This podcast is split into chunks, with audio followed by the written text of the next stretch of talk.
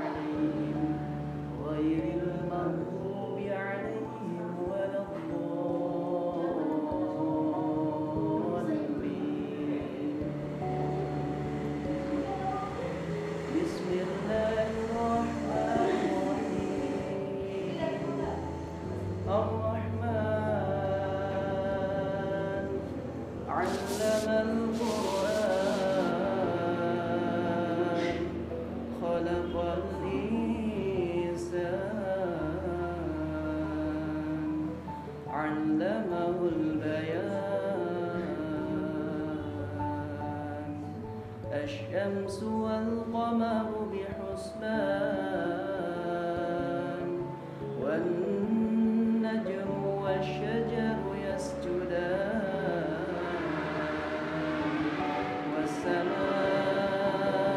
والسماء رفعها ووضع الميزان ألا تطغوا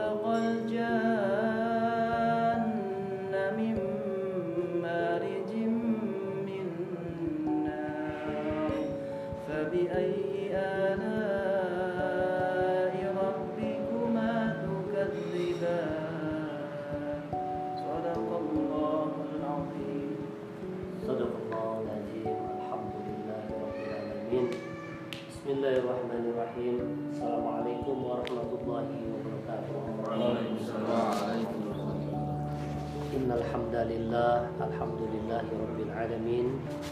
عدد خلقه ورضا نفسه وزينة عرشه وبداد كلماته.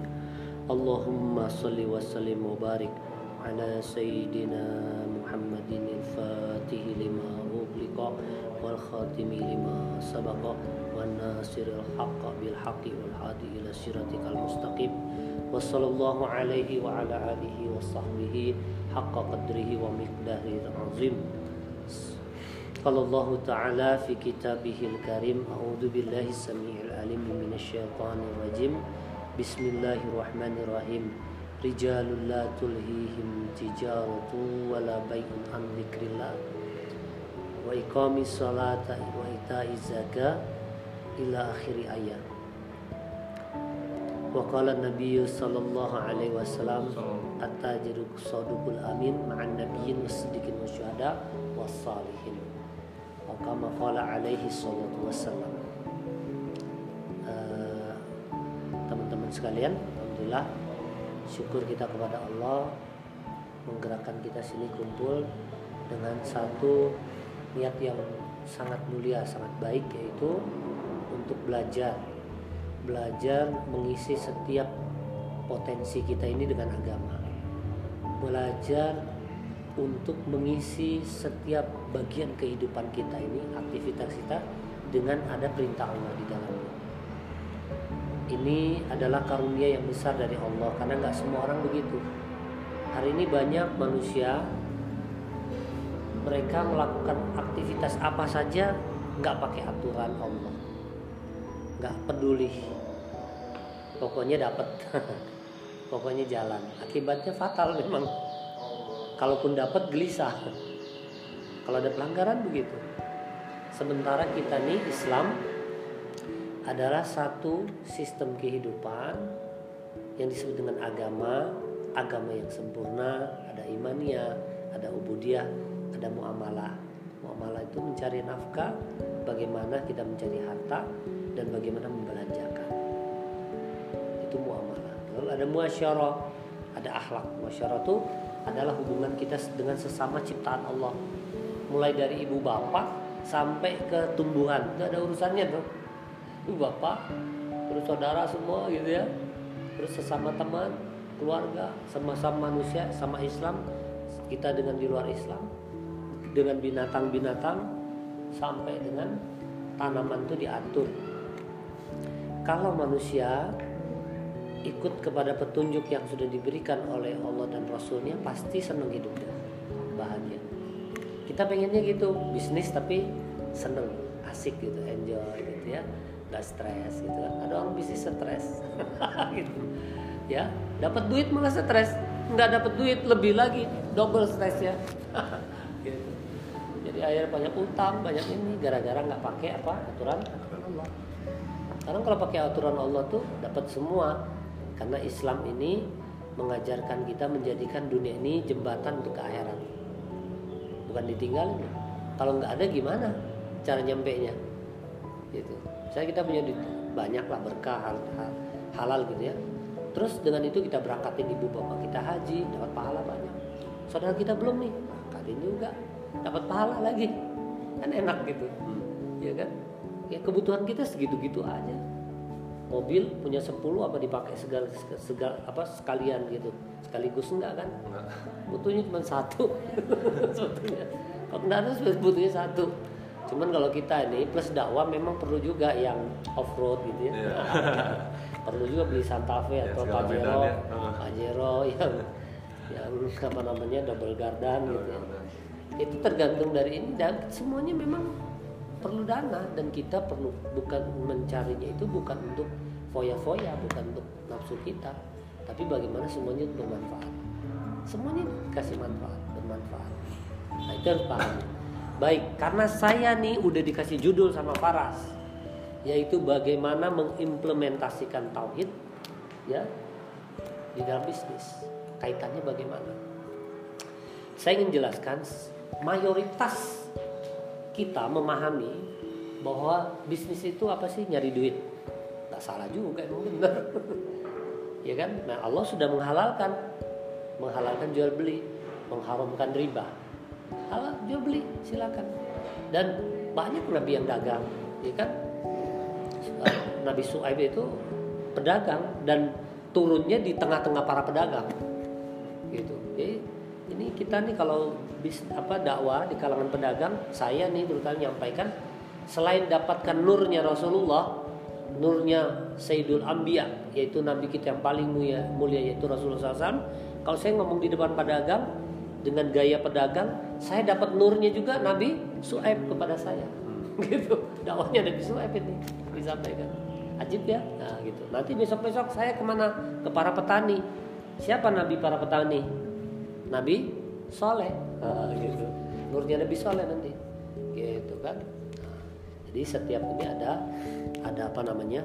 Ada ada nabinya gitu. Ada ada yang didakwahin ada medan yang dakwanya ada nabi yang berdakwah di setiap komunitas masyarakat. Baik. Kebanyakan orang kalau ditanya ya bisnis biar, biar punya duit lah. Nggak salah juga emang bener. Masa bisnis nggak ada duit? Buat apa bisnis bisnis tuh supaya kita dapat duit tapi nggak cuma itu kan? Kalau kita dibilang bisnis supaya kita ini punya uang terus seperti tadi kan? Kita bisa ibadah bisa ngasih ini ngasih itu bagus. Emang itu juga salah satu tujuan kita ber, berbisnis. Dengan kita megang uang karena duit ini kalau di tangan orang soleh itu jadi adem dia. Hmm. jadi adem. Jadi sejuk manfaat. Wah, ini ada yang susah tolongin. Masjid belum beres bangunin. Pesantren kiainya nih masih bermasalah bantuin gitu. Enak kan? Ya itu dan jangan takut punya duit banyak karena yang butuh banyak. Proposal tuh segini. Banyak proposal tenang aja. Proposal pengajuan. Ya jangan bingung nyalurin tuh kayak Quran banyak yang mau. Apalagi Qurannya selipin amplop lagi. Wah cepet banget tuh. Cepat gitu ini bagian penyaluran gak ada masalah gitu. Masa sekarang siapakah orang-orang yang dikaruniai hidayah dicari uang tapi juga bukan untuk kemanfaatan dia saja tapi juga untuk kebaikan orang lain. Semua orang dapat manfaat dari uang yang dia miliki. Oke?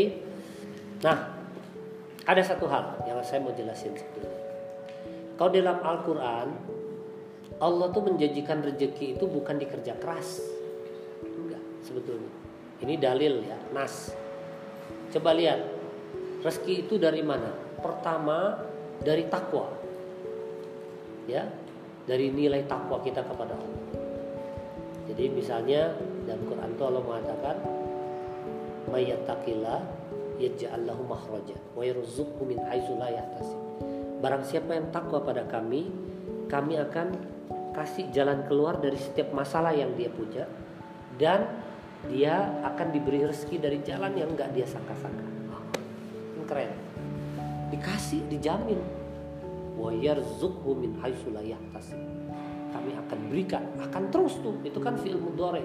Jadi sekarang, besok terus gitu. Kalau takwanya terus, rezekinya terus begitu. Banyak yang nggak disangka-sangka datang terus dari Allah Taala. Kalau hatinya takwa. Tapi sekarang pengertian takwa apa? Saya ingin bahas satu-satu, tapi saya mau kaitin sama bisnis dulu. Saya kaitin sama bisnis Satu hal yang membuat kita tidak takwa itu apa sih sebetulnya yang merusak takwa kita ketika hati kita ini ada pengharapan kepada selain Allah. Ini Allah nih yang maha segala-galanya, maha maha pengasih, maha penyayang, suka memberi, maha dermawan, ya kan? Maha melihat, maha mengetahui kebutuhan kita, maha segalanya. Terus tiba-tiba kita ke yang lain gitu, ke yang lain yang nggak bisa ngasih apa-apa. Nah, itu kerusakan paling besar. Kapan itu hati mudah seperti itu? Waktu dia nggak mandiri. Kalau manusia ini nggak mandiri, lemah, atau nggak punya usaha, atau males untuk berjuang, nggak punya kesibukan yang dia kerjakan dari situ dia dapat sesuatu, hati ini gampang geser. Tapi kalau dia udah ada, ada pendapatan sendiri, mikir-mikir teing lah, gitu. Enggak gitu, kan begitu. Makanya saya tuh ngerenung, ngerenung, ngerenung ya saya ini gini saya di Tasik ini agak salut tuh kalau saya lihat di orang kita nih orang Sunda yang termasuk dari anak kecilnya sampai ke nenek-neneknya rajin dagang tuh Tasik saya lihat saya mikir kenapa ya orang Tasik ini apa istilah itu ngulik? Apa aja dijual? Ada raja pola ada tekstil ada garment ada kopi ada kerudung segala macam bahkan beberapa menguasai dunia. Ekspor ke mana-mana gitu. Jadi raksasa gitu. Ya kan? Saya lihat apa gitu? Saya lihat dakwah ini banyak sekali wali-wali itu di Tasik. Yang dakwah di itu dan wali itu nggak pernah ngajarin supaya orang beriman tuh minta sama kepada makhluk tuh nggak pernah. Ajaran wali itu adalah minta ke Allah. Nah bagaimana caranya supaya begitu? Mereka tuh punya usaha sendiri. Diajarin bisnis. Jadi orang dulu wali itu datang ke tanah Jawa, mereka tuh nggak mau nyusahin orang, datang bawa apa? Dagang jualan gitu kan, bertani gitu, apa aja, pokoknya dia punya penghasilan sendiri. Bahkan kemudian punya santri-santri, santrinya gratis, nggak harus eh apa uang muka, uang pangkal ya, uang pangkal 13 juta gitu kata kiainya. Nggak ada zaman dulu zaman kiai dulu. Jangan wali nggak ada tiap bulan sekian nggak ada. Makan aja apa yang ada kiai makan yang penting belajar. Loh kiai bisa gitu tuh gimana? Atau wali seorang waliullah bisa begitu tuh gimana kecuali dia adalah mandiri. Dia punya ekonomi sendiri gitu. Dan ekonomi itu kan secara zahirnya kelihatan dia usaha. Padahal hatinya kepada Allah. Hatinya ke Allah. Hatinya ke Allah. Nyambung. Hati ke Allah ini kelihatan usaha. Nah yang bener tuh yang itu. Maksudnya kita bisnis itu. Ya. Kita kelihatan sibuk ada yang jualan bakso buka kafe ada yang bisnis ini bisnis itu ada yang garment ada yang percetakan ya. Ada yang herbal ada yang jual baju apa saja. Kelihatan kesibukannya tapi hatinya kepada Allah. itu maksudnya. Saya lihat? Jadi ini sisa ajaran dari bekas-bekas ini masih nempel di tasik itu. Makanya disebut tasik kota santri apa walaupun saya nggak bahas bahwa itu terjadi degradasi yang luar biasa karena karena macam-macam faktor saya nggak bahas lah gitu ya. Tapi dengan dakwah ini pada bangkit lagi kan pada bangkit lagi. Makanya kita nih teman-teman yang udah ikut keluar tiga hari cung satu dua udah semua ya? Belum. belum semua. Itu penting. Kenapa? Karena dari situ nanti kita akan ngerti betapa ajaran yang sederhana itu ini yang saya jelasin semua nanti teramalkan. Kita bawa kompor sendiri bawa alat masak sendiri. Itu kayak yang sederhana kenapa nggak ke warung aja? Bisa sih ke warung. Warung juga banyak gitu. Tapi banyak sekali pendidikan-pendidikan yang harusnya kita dapat itu hilang. Kalau kita ke warung. Ya kan? Padahal kita bawa kompor sendiri itu udah menunjukkan kita ini mandiri. Which masak sendiri. Yang kedua kita kumpulin uang bareng-bareng. Ya kan? Patungan berapa? 30 ribu tiga kali makan kalau di rumah dapat nggak 30 ribu? Enggak ini berarti ngirit kurang aja saya, kalau saya malu sendiri anak-anak patungan 20 ribu. Masa saya ngeluarin 20 ribu? Di rumah aja saya pikir kalau makan di warung aja sekali makan misalnya 50 berarti pego ya 50 ya sampai lah 100 100 ya paling dikitnya 50 lah paling dikitnya kan. jangan ngirit gitu. Waktu kita keluar. Jadi inget nih yang semua yang biasa keluar jalan Allah biasa makan di rumah berapa keluar di situ jangan ikut-ikutan ngirit. Jadi akhirnya wah kalau keluar nih ngirit nih. Wah itu namanya Mary Gese gitu namanya pelit. Kita ngumpulin duit. Ada pendidikannya di situ.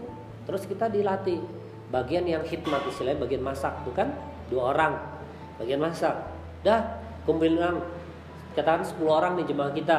Satu orang 30 ribu berarti 300 300 ribu nih mesti kita pikirin dari makan siang malam sama besok paginya cukup. Oh, gitu kan? Gimana ngelola uang itu? Amanah kan? Ngelola uang bagaimana amanah supaya uang itu bisa dibuat makanan sampai tiga kali makan buat teman-teman selama itu. Sebetulnya itu pendidikan. Ada pendidikan-pendidikan yang berharga di situ. Kompornya sendiri kita masak sendiri. Bagaimana kita melatih keikhlasan melayani orang ya belajar untuk melayani orang menyenangkan teman-teman kita. Ada pendidikannya. Gitu. Ya kan? Nggak nyusahin orang.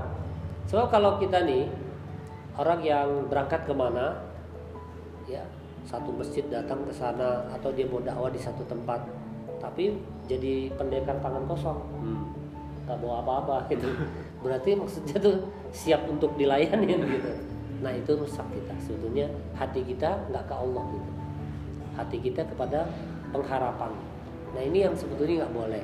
Di dalam tauhid di dalam bisnis inti daripada tauhid itu adalah hilangnya pengharapan kepada siapa pun kecuali kepada Allah gitu. Karena kita tahu yang ngatur rezeki itu Allah. Harus ngerti itu ya. Nggak bisa manusia kan makanya nggak perlu kita jelas-jelasan sama si fulan itu udah diatur. Wah itu maju kita nggak terus kitanya saja jadi apa sih? Sumpek jadi susah. Salah sendiri. Kenapa kita kayak begitu? Santai aja udah Allah kasih. Ya kan? Bener nggak? Si ini dapat istri ya kan? Tinggi mancung terus apa lagi? Soleha bahenol dan sebagainya. Yang ini biasa-biasa aja. Udah udah ditakdirin. Usah pusing-pusing. Ya kan? Yang ini usahanya kok lebih cepat. Ini agak lambat apa yang penting kita udah usaha. Karena intinya bukan itu. Berapa kadar yang Allah berikan kepada kita itu prerogatif Allah. Hak prerogatif Allah. Kebijaksanaan Allah. Tapi barokahnya tergantung usaha kita. Apakah kita halal apa enggak ngerjainnya? Melanggar apa enggak? Ya kan? Itu gimana kita? Terus kita jaga sholat nggak selama bisnis? Ya kan? Karyawan pada sholat nggak kita tegakkan nggak sholat buat mereka kita duha nggak kita sedekah nggak dari hasil kita kalau ada banyak kita keluarin nggak zakatnya itu kan kita baru Allah kasih yang namanya barokah Adapun tadi yang zohir, yang kelihatan gitu nggak usah dipusingin. Itu nggak menjamin orang dikatakan sukses. Sukses itu bergantung pada caranya. Pada caranya kita tempuh itu. Jadi poin yang pertama yang harus dipahami ya sama-sama oleh kita, kenapa kita ini punya usaha? Supaya kita menghilangkan pengharapan kepada selain Allah. Makhluk tuh nggak bisa ngasih apa-apa sama kita. Banyak kecewanya nanti ngarapin ini ngarapin itu.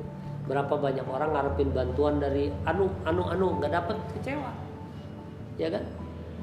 Makanya orang swasta itu menurut saya ya adalah orang yang paling mandiri dan harusnya dikasih jempol itu dikasih penghargaan karena misalnya nih ya pedagang-pedagang sebetulnya kan kontribusinya sangat besar. Pertama terhadap kemandirian dia sendiri. Kedua buka lapangan usaha. Berapa banyak karyawan bisa dia gaji, ya kan? Itu kan meringankan beban pemerintah. Buka lapangan kerja ya kan? Terus kalau dia lebih bayar pajak untuk pendapatan negara. Yang disebut pahlawan tuh itu sebetulnya. pahlawan zaman sekarang tuh berjuang di situ. Terus kapan dapat fasilitas dari pemerintahnya? Enggak pernah. Enggak pernah. Ya kan? sugan dibantu gitu enggak kan lamun untung suruh bayar lamun rugi sugan eh subsidi entahnya bahkan yang rugi tetap aja bayar pajak ya kan bayar pajak kan tetap nggak mau tahu gitu nah itu jadi hal-hal begitu kita fahami sebagai bagian daripada perjuangan baik Oke, kita kembali lagi kepada tadi inti daripada uh, kita bisnis ini adalah bagaimana supaya kita yakin hanya kepada Allah sang pemberi rezeki ar-razak itu. Jadi kalau gitu kita nggak usah kerja, salah lagi. Allah ngasih katanya. Ada yang pendapatnya gitu kan? Udahlah kalau gitu kita kerja nggak kerja segitu aja katanya. Wah, mau. Ini pemahaman yang berbahaya. Berbahaya. Itu sama dengan yang ngenyangin kan Allah. Kalau gitu gak usah makan loh. Ya kan? Gak usah makan nasi kan nanti kenyang juga dari Allah. Yang nggak gitu. Ada syariat nama syariat itu dikerjakan. Ada hasil itu hak prerogatif Allah. Kalau datang tuh sehari datang sejuta itu dari Allah sejuta tuh terus 10 juta dari Allah juga yang ngasih Allah bukan karena kita tapi kita disuruh usaha ikhtiar Kenapa di dalam usaha ini ada pahala? Ada pahala.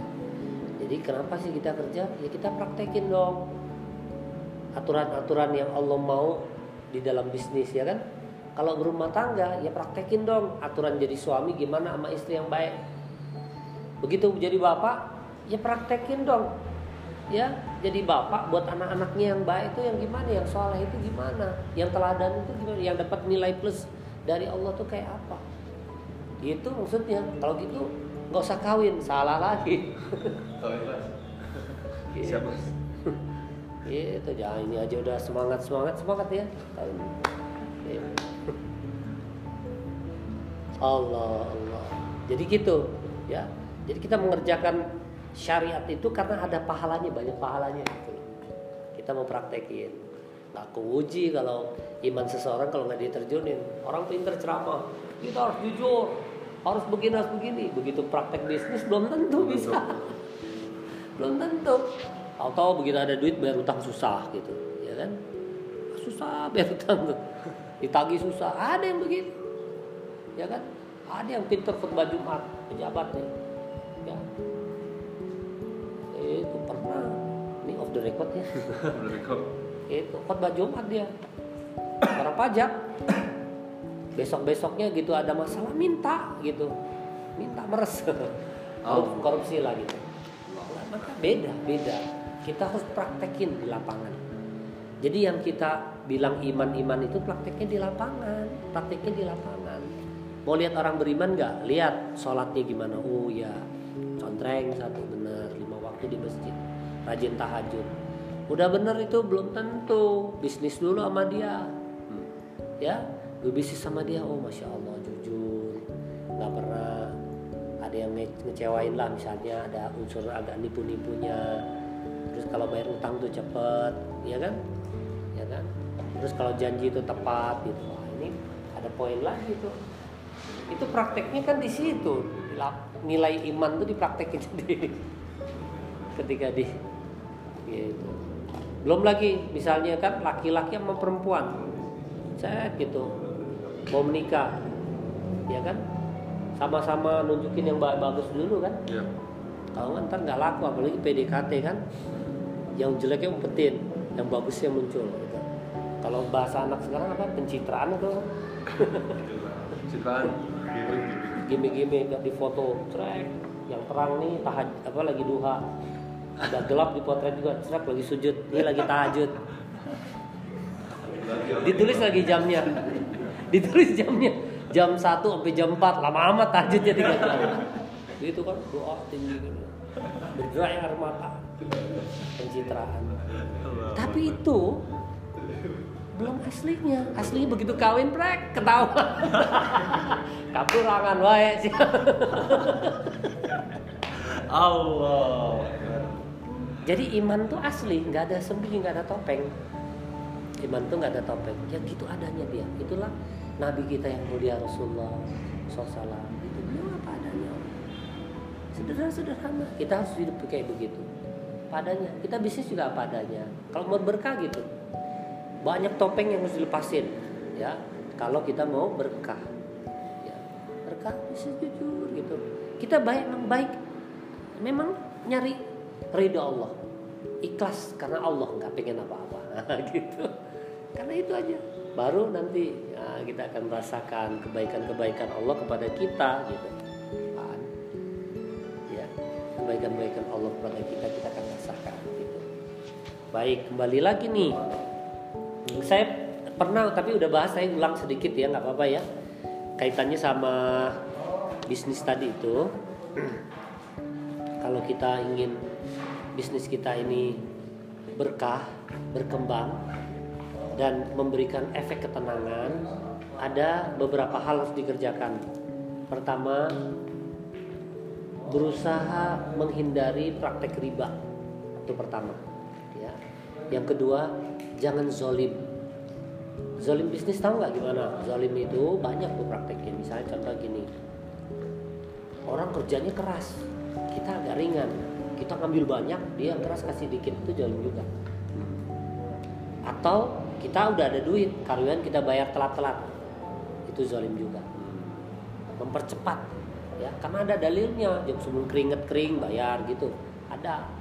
Bayar tuh jam sebelum keringet kering misalnya bagus nggak karyawan kita gajian tanggal siap tanggal 25 duit udah ada tanggal 20 bayar nggak apa wah Cepat ya? seneng gitu. Alhamdulillah gitu kan? Bercepat. Apalagi udah tanggal 20 ditambahin lagi satu kali gaji lagi. Oh, tambah seneng ya kan? Ada bonus ada dan setiap rupiah yang kita keluarkan itu sedekah. Ingat ya itu ada nilainya nilai pahalanya. Seperti ini Faras ntar nikah. Istri satu misalnya. Hmm. toh contoh lu satu. Kalau dua ada contohnya lagi empat ada contohnya lagi. Berarti kita sodakoh. Ini direkam ya? Waduh. di sensor ya ntar kalau ibu-ibu dengar mama jarang ya jarang dengar jadi maksudnya gini. Jadi ketika kita cari nafkah terus ada uang terus kita ngasih kepada anak istri semuanya kan dihitung sedekah dicatat pahala buat kita bayangin. Padahal kan kewajiban. Ngasih anak istri itu kan kewajiban kita. Tapi itulah kemurahan Allah. Nggak disia-siakan dikasih pahala juga. Begitu juga dengan karyawan Hmm. yang bantu kita. Kita ikhlas ngasih. Gitu bahkan kita lebihin kita perhatiin kesejahteraannya. Itu tinggi nilainya di sisi Allah. Gitu. makanya enak lah udah jadi orang Islam tuh. Ya semuanya ada plusnya dan setiap ini apa yang kita kerjakan ada hubungannya dengan kehidupan yang berikutnya. Karena di sini tempat bercocok tanam. Tidak ada satupun amal kita yang kita kerjakan kecuali akan nyambung ke akhirat. Kecuali akan berdampak kepada akhirat. Bisa dipahamin ya? Sampai situ. Oke. Jangan zolim. Contoh jangan zolim lagi. Bayar utang. Bayar utang biasanya kalau kita nih punya apa namanya kebiasaan tuh gimana sih? Orang bayar secepat mungkin kita bayar selambat. Nah, biasa tuh. Pokoknya kalau ke vendor ke supplier kita selama mungkin. Pak saya kasih waktu mundur satu bulan. Terus kita bilang tiga bulan apa ya? gitu. Soalnya mau digolangkan. Biasa itu manusiawi kayak gitu tapi ingat itu tidak baik akan menghilangkan keberkahan ketika kita menyusahkan orang. Allah. Kita menyusahkan orang. Kalau kita bisa bantu percepat percepat. Cepat selesai. Dia juga punya karyawan dia juga mesti gaji orang dia juga punya anak istri. Kita mesti mikirnya gitu. Bisnis ini nggak sekedar gue yang penting gue untung lo mau gimana urusan lo nggak bisa gitu. Nggak bisa gitu dalam Islam. Islam ini agama yang di dalamnya ada kasih sayang ada tolong menolong ada rasa iba pada orang lain ada toleransi. Kalau kapitalis iya.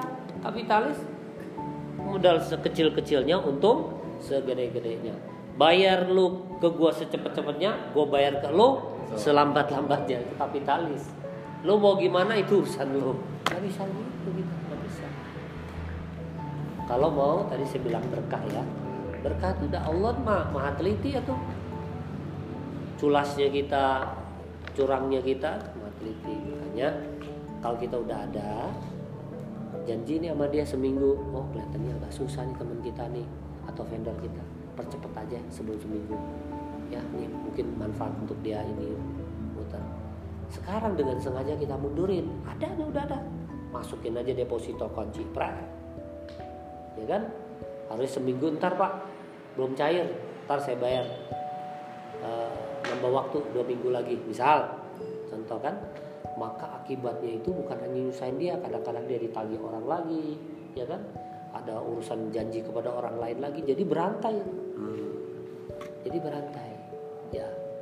Kalau kita mudahkan kebaikannya berantai. Kalau kita tahan keburukannya pun berantai. Nanti Allah akan hukum kita. Bentuk hukumnya nggak tahu pokoknya dihukum biasanya tuh yang kayak gitu hukuman pertama dibuat gelisah oh.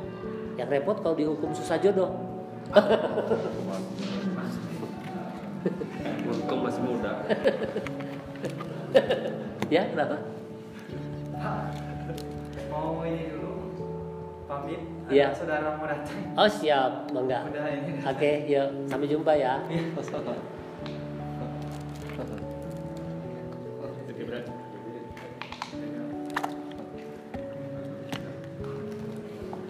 Jadi kita harus mulai merintis satu semangat kita nih. Walaupun kata orang bisnis adalah dunia tapi kita nggak menjadikannya itu. Bisnis adalah tempat kita berbuat sesuatu kita berkarya kita ber, bermuamalah kita berhubungan dengan banyak orang kita mengelola sesuatu yang intinya adalah bagaimana kita itu menjadi jalan manfaat bagi banyak orang. Gitu. Jadi jalan manfaat bagi banyak orang. Kemarin tuh saya ketemu ada Haji Aman berteman sekarang sama saya. Dia pengusaha kaos kaki. Dia pengusaha kaos kaki. Namanya Soka. Kaos kaki halal pertama. Gitu kan saya bilang loh kaos kaki halal? Emang yang lain haram? Iya dibilang gitu ha kaget saya. Gimana bisa haram? Kalau makanan halal haram biasa ya kan? Minuman halal haram biasa. Ini kaos kaki. Jelasin sama dia ya kan? 2017 kemarin dia ke, ke Cina jelasin dia. Ternyata di mesin yang selama ini dia dan pengusaha kaos kayak lain bikin tuh ada satu yang sifatnya kayak bulu gitu buat namanya apa namanya itu semacam menghaluskan gitu ya. Itu ternyata dari bulu babi. Jadi dari bulu babi.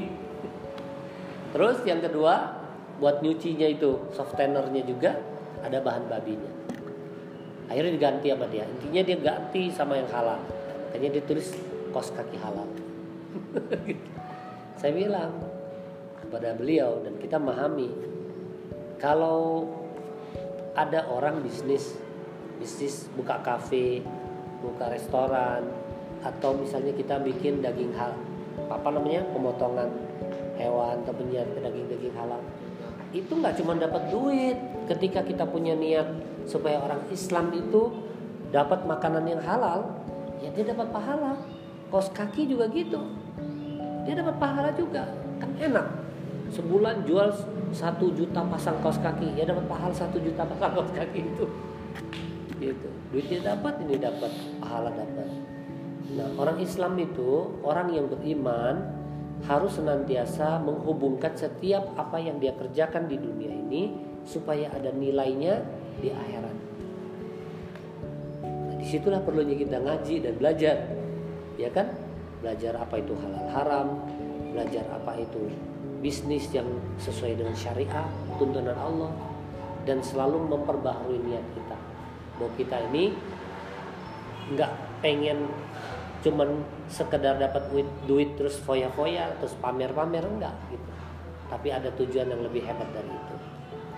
Yaitu apa?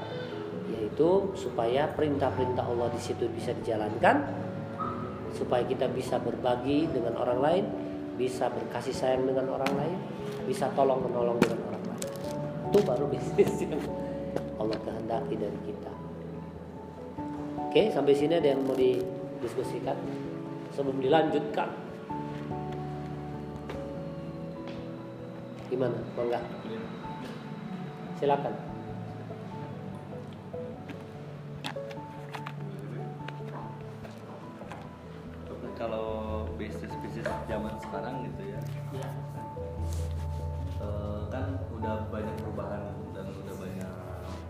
update gitu ya. Contoh uh, seperti di dunia sekarang aja kita kan nggak nggak perlu ketemu sama sellernya langsung. Nggak perlu kita ketemu sama eh nggak perlu kita melihat barangnya langsung. E, di dunia yang ter, ter, terdekat aja kita beli pun nggak harus nyamperin kayak Go Gojek dan lain itu. E, gimana mengupdate hukumnya gitu? Ya ada dua pendapat di kalangan ulama itu kalau masalah ini kan masalah penjualan via online. Online online sekarang itu memang mungkin termasuk yang eh, transaksinya sangat besar hariannya. Dan itu mulai dari kayaknya jualan yang mahal-mahal ya segala macam benda mewah itu sampai kepada nasi-nasi warung nasi pinggiran jalan pun yang warung-warung kecil pun di online kan sekarang. Udah semua lah gitu ya.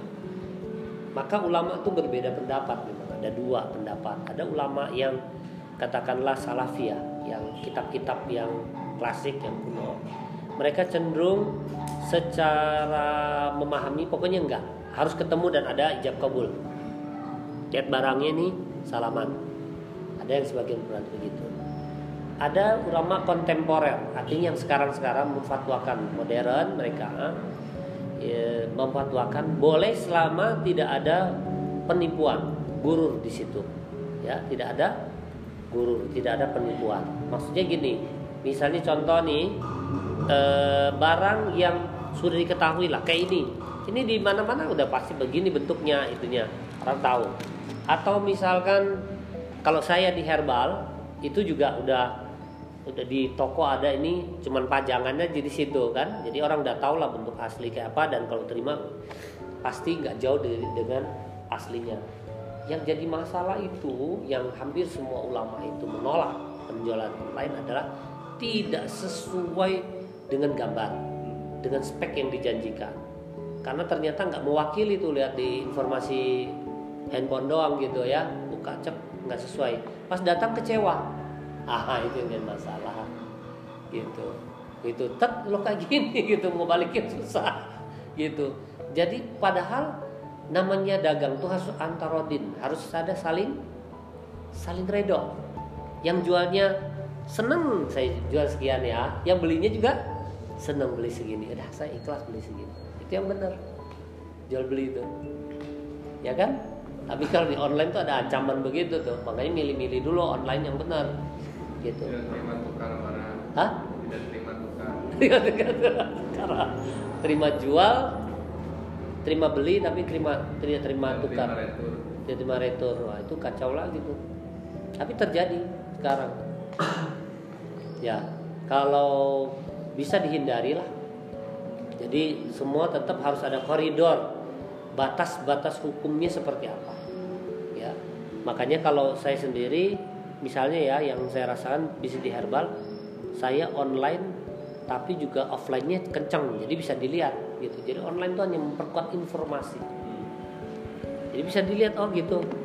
Udah barangnya apotek juga ada di ini juga ada. Nah, itu oke tuh. Tapi ketika masih seperti kucing dalam karung gitu. Nah, disangka nih beli harimau begitu datang kucing nah, kecewa mending kalau harimau pas datang singa kan enak kan Ah, sama lah Dolim? Dolim.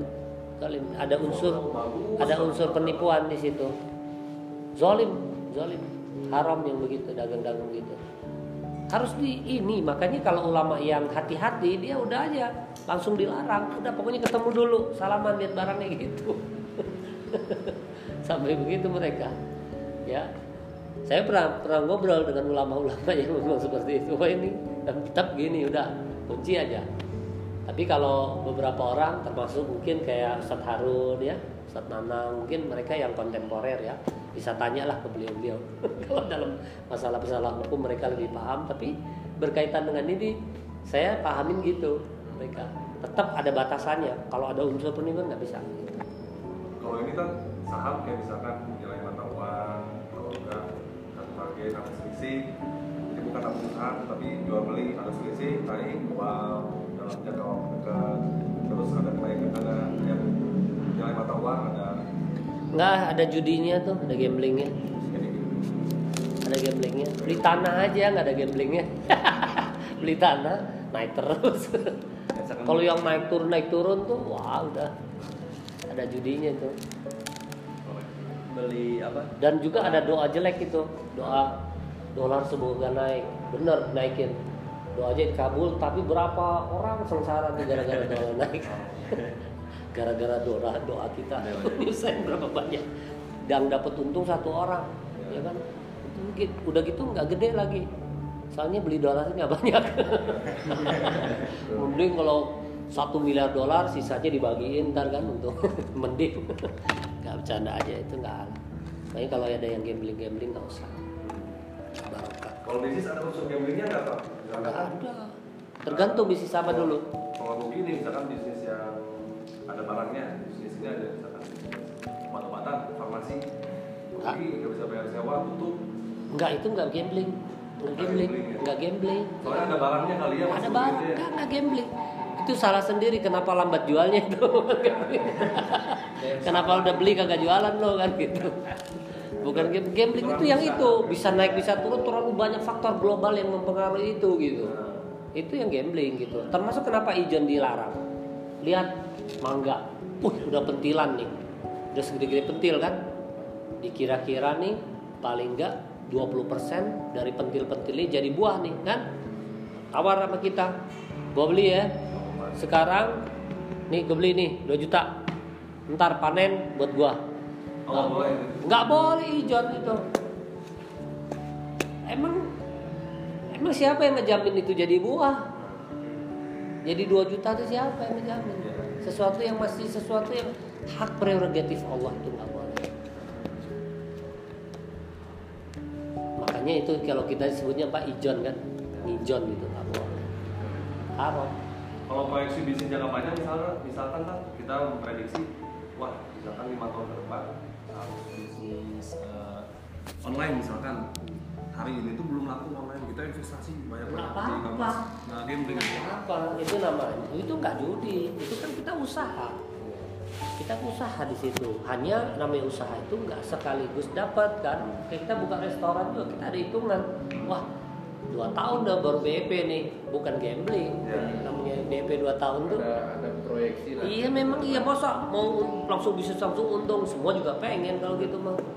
Kan ada yang harus nunggu dulu waktu itu tidak gitu. Kemudian terjadi rugi ya takdirnya rugi. Dua tahun kemudian jadi untung ya memang takdirnya udah untung.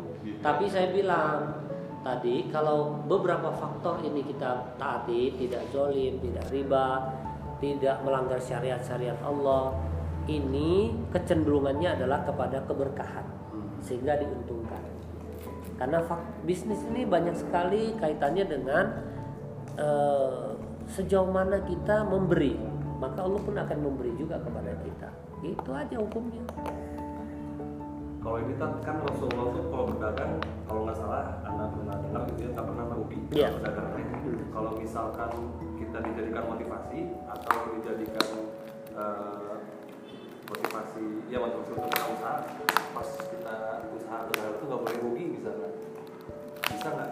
Eh, iya jadi kecenderungan tidak rugi eh, karena kalau Rasulullah kan tidak pernah rugi karena sempurna pribadi beliau dari sisi kecerdasannya, dari sisi kejujurannya, syariatnya tidak ada yang yang tidak pernah zolim Rasulullah kan semuanya sempurna.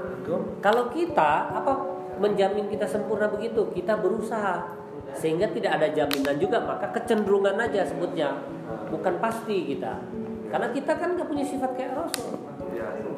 Tapi kalau kita mendekati tadi jujur, nggak zolim, nggak pakai riba, nggak mau ngelanggar, toleran, banyak sedekah, kecenderungannya untuk soalnya jadi bertolak belakang. gitu. Harus yakin itu.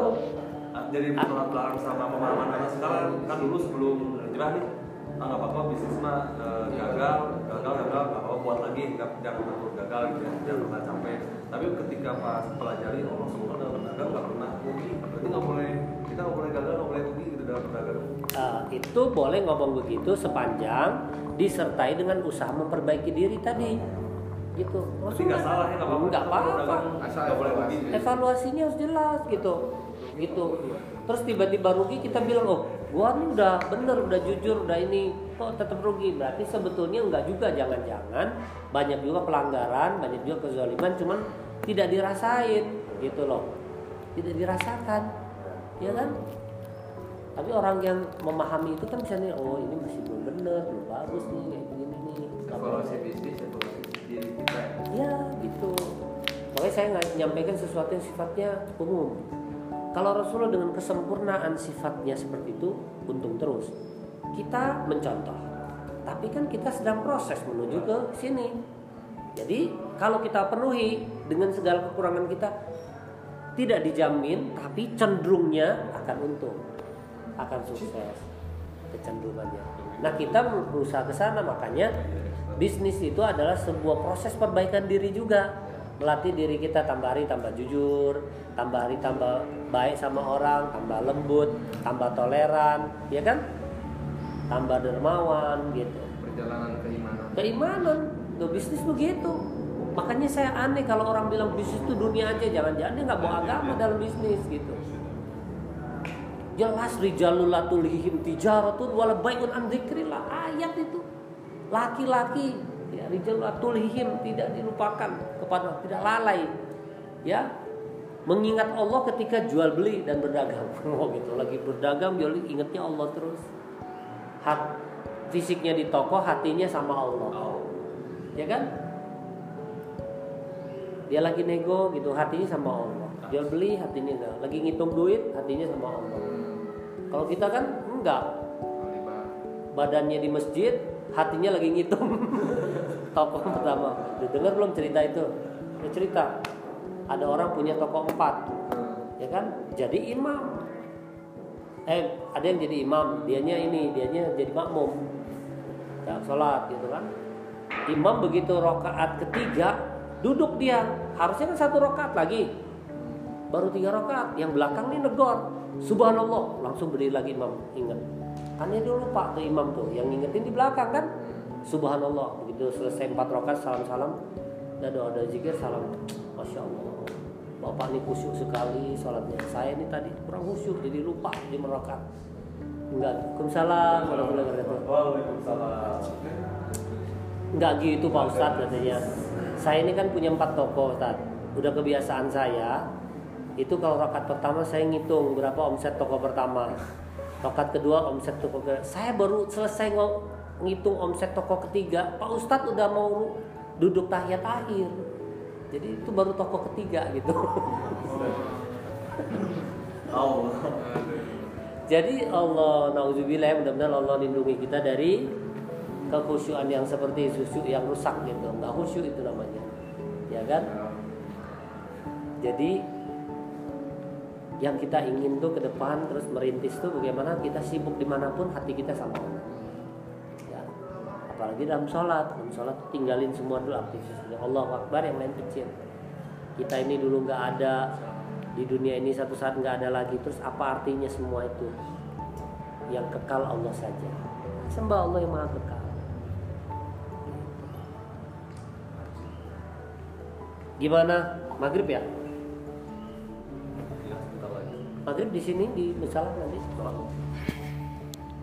Kita break nanti habis maghrib lanjut ya persiapan mati